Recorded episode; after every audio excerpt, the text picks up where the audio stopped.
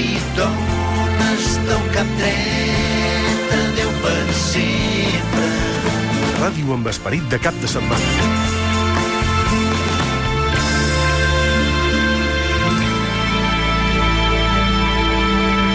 Amb Roger Escapa.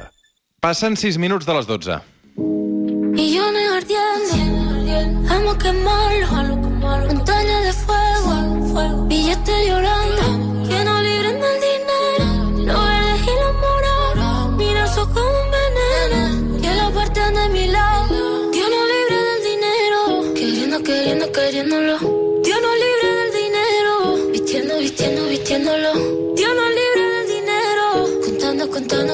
contándolo. Dios no libre del dinero, teniendo, teniendo, teniéndolo. Dios no libre del dinero. Som al suplement, som a Catalunya Ràdio, avui és diumenge 29 de març i això vol dir que és final de mes. Dios nos libre del dinero, que cantava la Rosalia. I final de mes sempre és una època susceptible de ser angoixant, però si a més hi sumem la casuística de la crisi pel coronavirus, doncs encara més. Vam acabar el mes de febrer amb prop de 400.000 aturats a tot Catalunya, i ja n'hem de sumar 459.000 fruit de l'expedient de regulació dels ERTOs eh, temporals. D'aturats que, evidentment, continuen tenint despeses com el lloguer, com la hipoteca, i què hem de fer, doncs? S'han de continuar pagant els lloguers, s'han de deixar de cobrar. Intentem resoldre dubtes ara amb el Jaime Palomera del Sindicat de Llogaters, amb l'Òscar Gorges, que és gerent de la Cambra de la Propietat Urbana de Barcelona, i amb la Cristina Vallejo, que és experta en dret hipotecari. Ens acompanyen tots tres, aniré un per un, perquè, evidentment, la connexió eh, és telefònica i és complicat fer una tertúlia tots a la vegada. Jaime Palomera, bon dia. Hola, bon dia, Roger. Del Sindicat de Llogaters. Aquest mes s'han de pagar tots els lloguers? Sí, de moment, com que el govern no ha fet res, a pesar de que hi ha una demanda ciutadana de suspensió dels lloguers per les persones afectades per la crisi del coronavirus, com dic, com que el govern no ha fet res... Però el govern ha anunciat que dilluns o dimarts poden haver-hi mesures, no? Estan, el que han dit és que eh, ha- s'ha filtrat a premsa que potser el dimarts eh, es podria llançar una línia de crèdits pels llogaters, és a dir, que s'endeutin per pagar el lloguer, eh, que s'endeutin amb entitats financeres i que l'Estat ho avalaria. O sigui, que estem parlant de que, a pesar de que tu ara no estiguis cobrant i de que segurament seran uns diners, si ets autònom, per exemple, que mai cobraràs, que al final igualment acabis pagant el mateix lloguer a preu d'or que estàs pagant ara eh, amb el temps, eh, endeutant-te. I hauràs de tornar aquests diners al banc. Això és el que està arribant eh, a, la, a la premsa, a través de la premsa. Ahir Colau, ahir l'alcaldessa de Barcelona, que evidentment és la líder dels comuns, eh, i els comuns, o Podem, forma part del govern espanyol, eh, reclamava precisament la suspensió de, del, del pagament dels lloguers eh, en els casos de les persones que aquests mesos no, no, o, mm, es queden sense feina. Um, veurem quina és la línia que presenta aquest dimarts el Consell de Ministres, no? Sí, mi- mira, Roger, eh, en una setmana, una dada, eh? En una setmana hem rebut més de 9.000 correus a la nostra bústia de famílies treballadores, autònoms i també petits comerciants que ens diuen que no podran pagar el lloguer l'1 d'abril i que no volen tirar eh, de familiars per pagar el lloguer perquè ja veuen que la cosa anirà empitjorant en els mesos que venen i estan demanant una solució. Um, ja et dic, ara mateix no hi ha cap solució sobre la taula, s'ha filtrat a premsa que el que es proposa és que la gent s'endeuti, o sigui, que s'endeuti ara, que agafi un crèdit per pagar el lloguer i ho hagi de tornar més tard, i això no té cap sentit. O sigui, Què proposeu veient- vosaltres des del Sindicat de Llogaters? Bàsicament que les persones afectades per la crisi, que vegin com els seus ingressos han caigut, eh, que de manera proporcional eh, redueixin eh, la part proporcional del pagament del lloguer. Um, però eh, per part del govern eh, no hi ha voluntat de fer-ho, s'argumenta, molt sovint s'està argumentant que eh, hi ha un llogater i que de l'altra banda hi ha un arrendador que pot ser un petit arrendador que necessita aquells ingressos per subsistir i nosaltres el que diem és, si aquest és el cas, si un petit arrendador depèn de cobrar el lloguer per arribar a fi de mes i deixa de cobrar-lo per una suspensió del pagament, aleshores el govern l'ha d'ajudar. Però aquestes situacions, o sigui, generalitzar el que pot ser segurament una situació relativament petita, perquè sabem que la situació de moltíssims arrendadors no és una situació límit, poden tirar, poden viure sense cobrar lloguer, fer això Mm. és deixar l'estacada a milions de llogaters. L'àrea aquest- metropolitana de Barcelona té A- a- un sí. milió de persones vivint de lloguer. A, a, a, però aquest, a, aquest deute, si m'ho deixes dir així, o, o aquests diners que es deixen de pagar perquè ara la situació, eh, doncs aquestes famílies no, no hi poden fer front, eh, es condona, es paga més endavant amb uns interessos... Es, Eh, sí, es paga més endavant. O sigui, el que estan plantejant és que es pagui més endavant, que el llogater acabi pagant el preu de lloguer actual. Mhm. Cosa que no té sentit. Si l'economia productiva ha fet una davallada brutal i la gent està deixant d'ingressar i veuen que ja no ho ingressaran, no té sentit que l'economia immobiliària segueixi al mateix ritme que fins ara. Mm. O Això que- no se li pot exigir a la gent que segueixi pagant els lloguers a preu de bombolla quan la situació econòmica és de, eh, de pressió, de paralització. La suspensió dels lloguers ha d'anar a càrrec dels arrendadors o de l'administració? Perdona, Roger, no té sentit. Dic, la suspensió dels lloguers que proposeu eh, eh, hauria d'anar a càrrec dels arrendadors o de l'administració? Clar, evidentment ja hi ha arrendadors que, eh, per voluntat pròpia, han tingut el gest d'escriure al llogater i dir-li, escolta, a vegades un missatge, un SMS, dir-li, escolta, aquest mes segurament pots estar-ho passant malament, no et passo el rebut, no cal que em paguis el lloguer. Però això és com el del confinament. El confinament, veritat que el govern ha dit, això, el confina, confinar-se no es pot deixar a la bona voluntat de la gent, s'ha d'obligar per llei, perquè si no hi ha molta gent que eh, no segueix la norma, doncs amb el lloguer és el mateix.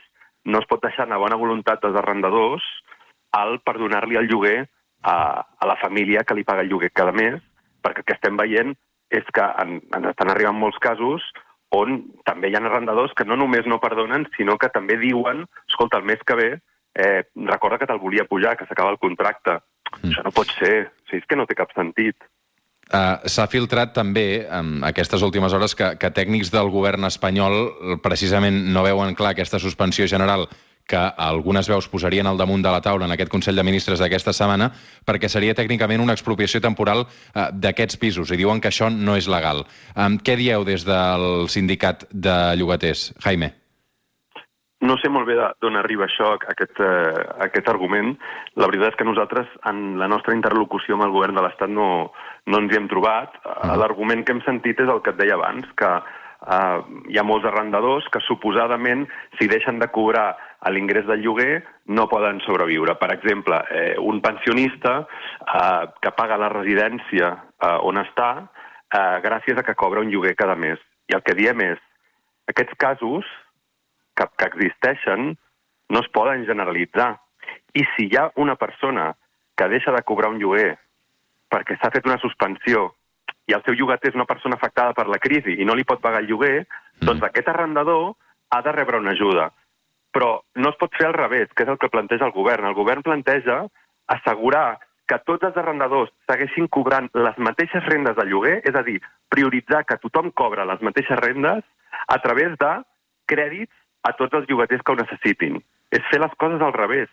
Ara mateix, que els ingressos estan caient en picat, que l'economia productiva està paralitzada, l'economia rendista, immobiliària, s'ha de eh, situar al mateix nivell. És a dir, ha de baixar el, la, el ritme de la màquina i començar a fer reduccions de preu per totes aquelles persones afectades per la crisi. Nosaltres no estem parlant d'una suspensió generalitzada, parlem, igual que s'ha fet amb les hipoteques o igual que s'ha fet amb els ERTES, a, en el món empresarial, D'una cosa temporal.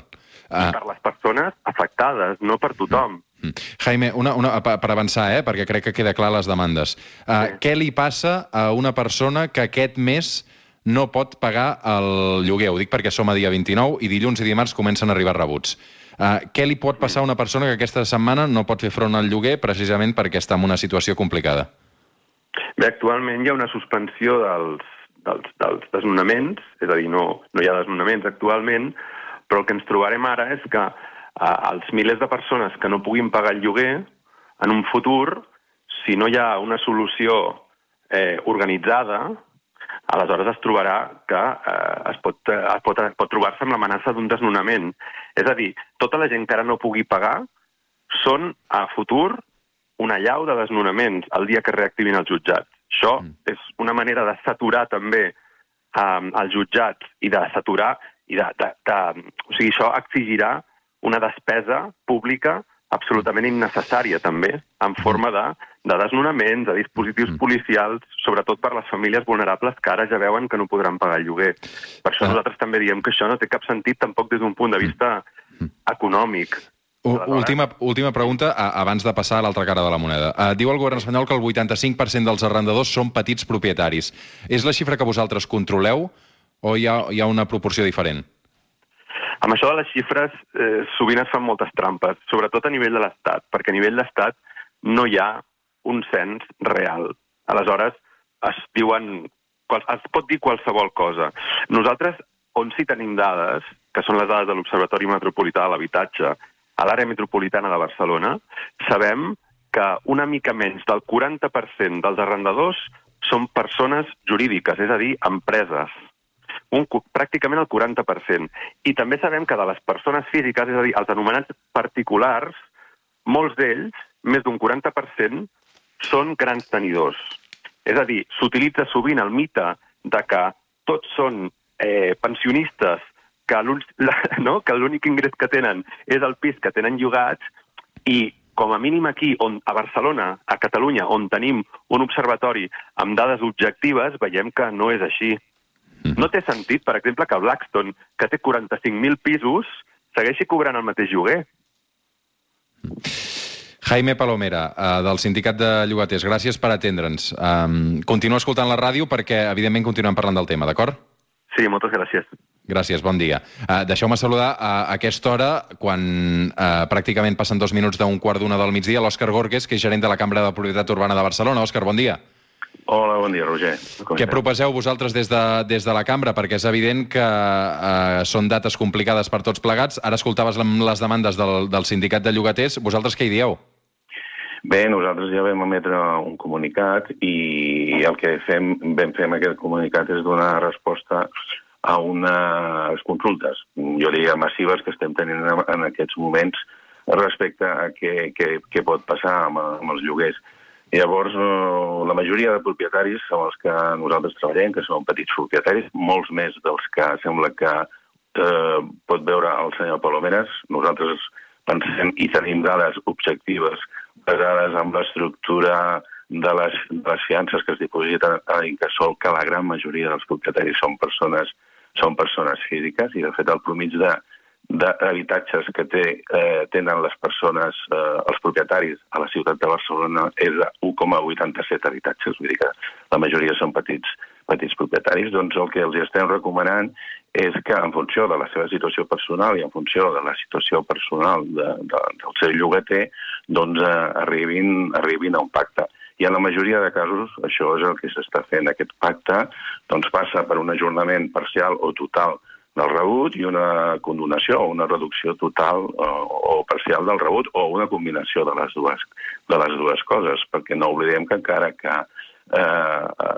encara que tinguem tota aquesta situació eh, d'emergència, el, el propietari ha de continuar pagant tota una sèrie de despeses sobre, sobre l'immoble, és a dir, que un mínim d'ingressos ha de tenir per respondre doncs, a les quotes de comunitat, a l'assegurança, al manteniment, a les quotes d'IBI, és a dir, que eh, independentment de que, del que passi amb el, amb, el, amb el cobrament del lloguer, hi ha unes despeses que el propietari ha de continuar, ha de continuar absorbint i pagant. I, i normalment, doncs, el que diem, com, com us dic, són petits propietaris que, que, que sí que és una font d'ingressos, el, el lloguer és una font complementària i que la necessiten perquè compten amb ella per, doncs, per passar el seu, el seu mes. Però eh, en el cas que ara ens ocupa, que és aquesta situació excepcional, sí. a l'hora de cobrar uh, el lloguer, uh, s'ha de tenir en compte um, doncs, les persones que estan afectades per un ERTO, que s'han quedat sense feina o que són autònoms, per exemple, um, i que han perdut uh, calés aquests dies? Sí, sí, clar, sí, sí, sí no, no I- tindria i- sentit i- aquesta i- negociació.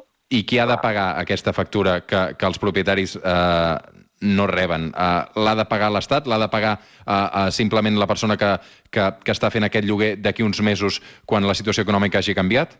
Doncs mira, de moment, com no, com no hi ha res establert, la gent està negociant, eh, està negociant amb el que té, amb el marc legal que té. Evidentment, en els casos de, de més necessitat social en els que als llogaters els sigui impossible pagar, doncs seria raonable que hi hagués per part de l'Estat, i especialment en els casos de, dels propietaris també més vulnerables, doncs hi hagués una compensació. Això seria, seria l'ideal. Ara hem de veure en quines condicions està el govern central per oferir, per oferir aquestes, aquestes bonificacions. Uh, Confia que el que pugui decidir aquest dimarts el Consell de Ministres pugui acontentar les dues parts? Això és impossible. eh, que contentar-les eh, segurament és impossible, segurament és impossible, perquè no podrà contemplar tota la diversitat de la casuística que existeix en el mercat de lloguer. Estem parlant tant d'empresaris, que poden ser grans cadenes, pimes, autònoms, des del punt de vista dels locals, naus industrials, oficines, com de particulars, que uns en situació de vulnerabilitat, uns altres afectats per la crisi però no en situació de vulnerabilitat i uns altres que no estan afectats. O sigui, com veiem, la casuística respecte als llogaters és, és molt important i després respecte als propietaris també. Tenim la majoria de petits eh, tenidors, uns, uns en una situació eh, més favorable econòmicament i uns altres en, en una situació més precària també. I després, doncs, societats que tenen més habitatges, fons d'inversió... Per tant, entenc que sí que s'han de diferenciar les mesures que afectin propietaris que són particulars, que són petits, i els que s'hi dediquen professionalment o que representen corporacions més grans, no? Bueno, no necessàriament. Possiblement el que s'hauria de fer és, com es fa a la majoria de països europeus, fer una política eh, social d'habitatge. És a dir, aquelles Mhm. persones que no poden pagar-se el lloguer, que tinguin una, una, uns ajuts econòmics per poder pagar el lloguer, però no traspassar aquesta responsabilitat de no poder pagar el lloguer, eh, traspassar-la als propietaris, tinguin la condició que tinguin. Eh? El que passa que aquí a Espanya el problema que tenim és que no tenim política social d'habitatge. No, en tenim, no tenim política d'habitatge social, que ja és un problema, però a més a més és que no tenim política social d'habitatge, que agrava el problema. No? Llavors, a, a traslladar la, el problema de l'habitatge als particulars no té massa sentit. Queda clar el missatge de l'Òscar Gorga, gerent de la Cambra de la Propietat Urbana de Barcelona. Gràcies per atendre'ns també aquest matí. Gràcies a vosaltres. De la teoria d'aquests dies passem a la pràctica perquè tenim un munt de consultes que ens arriben a través de roba al suplement, eh, també el correu electrònic del programa eh, i també podem obrir línies 932017474. Cristina Vallejo, experta en dret hipotecari. Bon dia. Hola, bon dia. Oriol, vaig justíssim. Es pot partir la quota? És a dir, pagar la meitat ara i pagar l'altra meitat més endavant? Això és possible? Estem parlant d'hipoteques o seguim amb el lloguer? Lloguer, lloguer, lloguer. Lloguer, eh? Vale. Mm, a veure, jo potser sé el benefici de ser optimista i d'haver escoltat abans a les dues postures, no? Jo crec que, com bé deies el dimarts, l'Estat no té eh, més eh, solució que, que regular legalment el que està passant. No podem traslladar a la propietat privada la solució d'un estat d'alarma que, que està regulat legalment. Estem veient com cada dia publiquen al BOE mm, solucions pels treballadors, solucions que esperem també arribin pels pimes i els autònoms i han d'arribar en el món immobiliari. És molt senzill. Mm, per part dels arrendataris tenim els requisits de la moratòria hipotecària, que són eh, que hagis estat a l'atur, que hagis reduït els ingressos en un 40%, i que no arribis tres vegades a l'IPREM, és a dir, que no tinguis uns ingressos de 1.600 euros al mes. Si tenim aquestes condicions objectives amb els llogaters, els hem de donar una carència de com a mínim dos mesos de lloguer, que serien el proper mes d'abril i el mes de maig. A càrrec de qui? A càrrec de l'Estat, no a càrrec del propietari individual, per suposat. Ara bé, fent distinció d'aquest propietari individual. Si estem parlant d'un fons voltor, està clar que l'Estat no l'ajudarà amb el 100% de la carència, l'ajudarà amb el percentatge que cregui convenient. Però si estem parlant de petits propietaris que tenen d'un a tres immobles, l'Estat ha de contribuir amb el 100% d'aquesta carència. Com pot també l'Estat ajudar els propietaris? Bonificacions fiscals. L'Ajuntament que faci una bonificació de l'IBI en aquestes mensualitats que hi hagi carència, que les reparacions que es facin tinguin bonificacions d'IVA, que eh, l'IRPF, quan hagis de declarar els ingressos dels lloguers, tinguis bonificacions. Crec que és molt important que l'Estat valori les dues postures, no només la del llogater, també la del propietari, i tenint en compte bonificacions per una banda i ajuts per la carència del lloguer, es pot regular en el món immobiliari el mateix que s'ha eh, regulat per una moratòria hipotecària. I hem d'anar a parar aquí. No tant si ets de pagar la meitat o no, sinó que hem de pressionar des de tots els sectors immobiliaris perquè l'Estat reguli d'una man manera ordenada, igual que ha fet en altres àmbits, el món del lloguer. Mm. Vostè que coneix el sector, eh, ara mateix els actors eh, implicats entenc que estan pressionant cadascú la seva banda. Um, citant el que ara comentava també el Jaime Palomera del Sindicat de Llogaters, m'he d'imaginar aquests dies Blackstone eh, trucant a la porta de la Moncloa pressionant? No, no. Mm, jo crec que no serà el que estarà pressionant.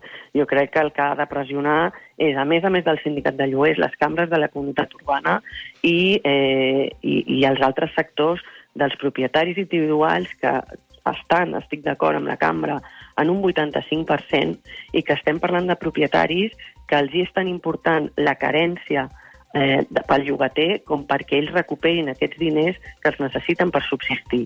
I això ho ha de suportar l'Estat, perquè no tenim un parc de vivenda pública on l'Estat sigui el que mm, pateix aquesta carència, sinó que ho està patint un propietari individual. Deixa'm anar més consultes particulars. Júlia, prevec que no podré pagar el lloguer fins que no acabi el confinament i pugui tornar a treballar d'autònoma. Em poden fer fora del pis? Clar, és el que comentava el senyor Palomares, no? Eh, ara mateix els jutjats estan tancats, ara mateix no es poden interposar demandes i ara mateix els llançaments i desnonaments estan suspesos. Però, és clar, en la que reanudem la vida normal, totes aquelles rendes que no hagin pogut pagar, i només que sigui parcialment una renda, no cal ni no impagar un mes sencer, només impagant una parcialitat de la renda, el propietari ja té acció judicial per presentar el desnonament. Clar. Per tant, la solució, mm, insisteixo, ha de venir per regulació de l'Estat. Dani, m'han de renovar el contracte de lloguer el mes d'abril. Me'l poden pujar encara que sigui la situació sigui aquesta? Clar, s'han prorrogat i s'han suspès tots els terminis, amb la qual eh, la negociació d'aquest contracte i la negociació d'aquest lloguer s'ha de posposar a la renovació d'un estat de normalitat, amb la qual al mes d'abril, com el contracte s'entén prorrogat perquè no hem pogut renegociar la renovació, entenc que en el mes d'abril no es podrà aplicar cap augment, perquè estem en suspensió de eh, terminis. Mm Algú que se li acaba el lloguer aquest mes i no li renoven el contracte, diu el Joan, eh, què passa amb aquesta persona? És això que estàs comentant, que adeu terminis, no?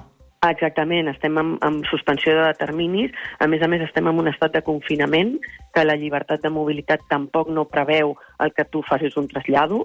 Vull dir que encara que volguessis i tinguessis l'oportunitat per llibertat de moviments de l'article 7 del Real Decret d'Alarma, entenc que potser tampoc no estaria una activitat de les compreses com a possibles.